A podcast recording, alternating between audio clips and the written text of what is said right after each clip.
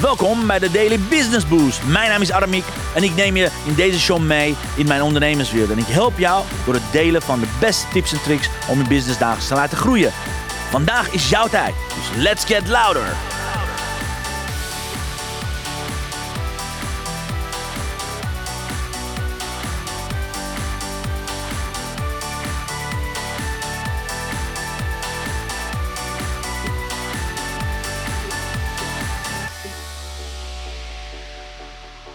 Ja, een hele goede middag, morgen, avond, whatever het voor je is.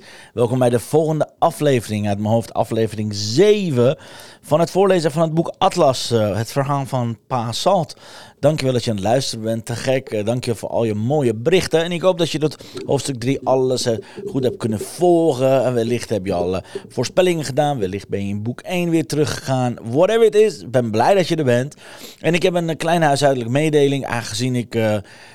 Afgelopen paar afleveringen behoorlijk moe was aan het eind van de uitzending, heb ik besloten om de, om de hoofdstukken iets korter te gaan voorlezen. Dus excuus als je niet uh, 20 minuten lang uh, kan, uh, kan beluisteren, want ik ga er maximaal 10 minuten voorlezen. En dan zodat ik het ook iets meer ga volhouden. Want ik ben afgelopen tijd. Um, door het voorlezen, zeker aan het eind van de dag, ben ik behoorlijk moe geworden. En ik wil heel graag mijn belofte voor, bij je nakomen dat ik iedere dag jou een, uh, een, een gedeelte van het boek ga lezen. Dus nou, dat worden iets, iets, kortere, iets kortere uitzendingen, maar dan weet je in ieder geval waar het komt. Want ik wil er wel de, het momentum vasthouden. Ik wil daar wel energiek net zo goed uh, voor je gaan voorlezen in plaats van helemaal kapot te gaan. En daar heeft niemand wat aan. En jij zeker niet en ik ook zeker niet. Dus het moet ons beide dienen. Anyways, ik ga door op pagina 73 en zo begint hoofdstuk 4.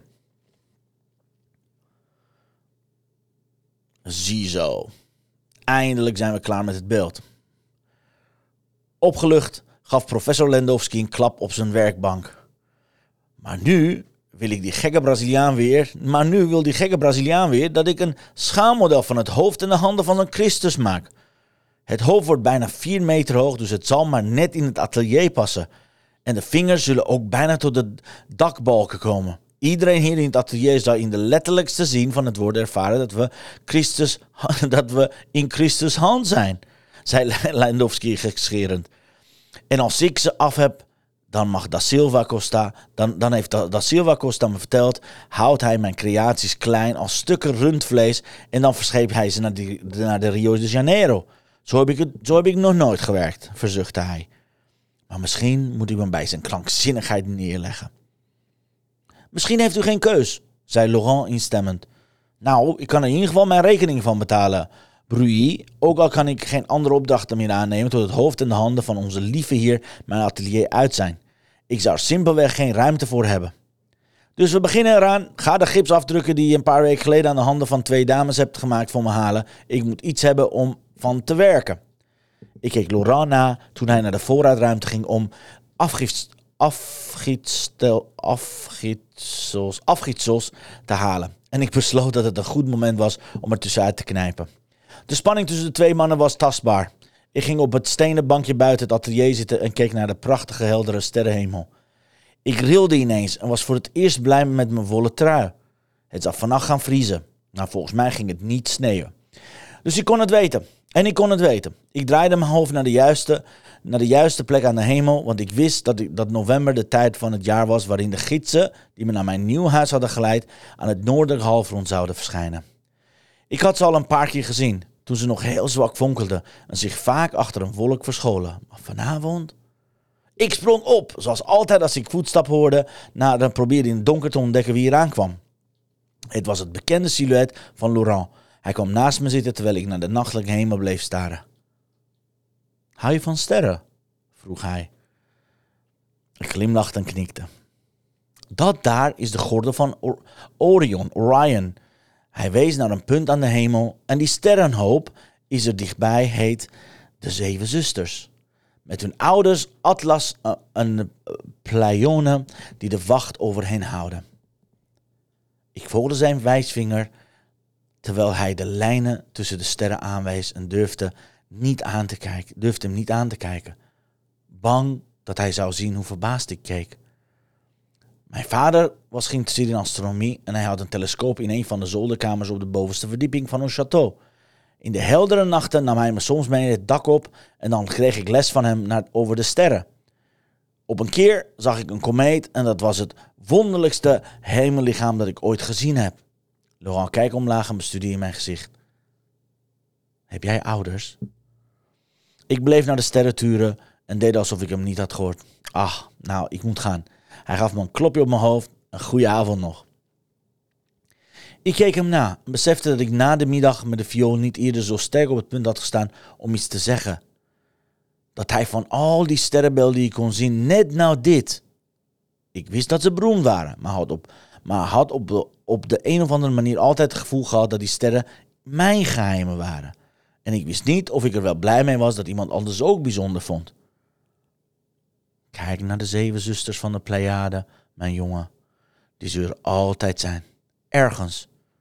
En over je waken en je beschermen als ik dat niet kan. Ja, want ik kende al hun verhalen uit mijn hoofd.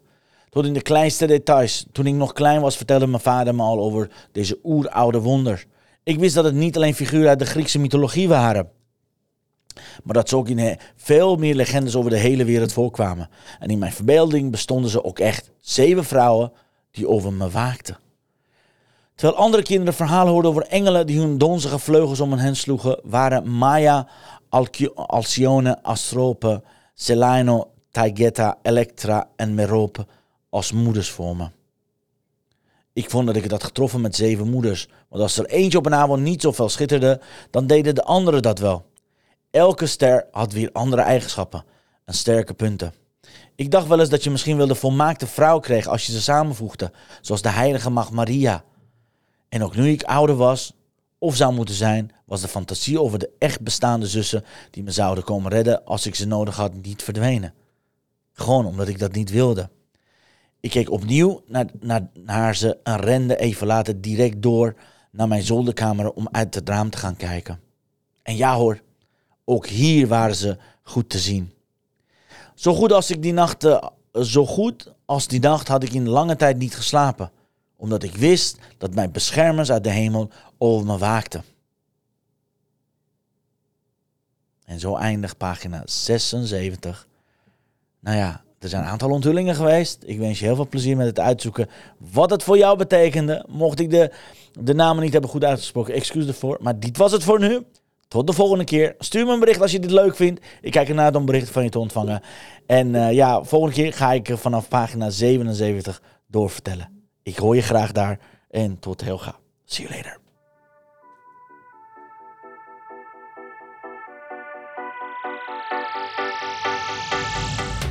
Dankjewel voor het luisteren naar mijn live show. Geweldig. Wil je een keertje nou live bij mijn live show aanwezig zijn? Dat kan. Elke dag om 10 uur ben je van harte welkom via LinkedIn Live, Facebook Live of YouTube Live. Je vindt me als je mijn naam intipt in de zoekbalk op LinkedIn, Facebook of YouTube. Ben je nou erg leergierig? Wil je nu je business laten accelereren? Download dan nu helemaal gratis mijn e-book met de allerbeste 100 social selling tips op www.dailybusinessboost.nl. Zoals ik altijd zeg, wij zijn ondernemers. Wij zijn de kracht van de economie. Maak het verschil, iedere dag, iedere uur. En tot de volgende keer.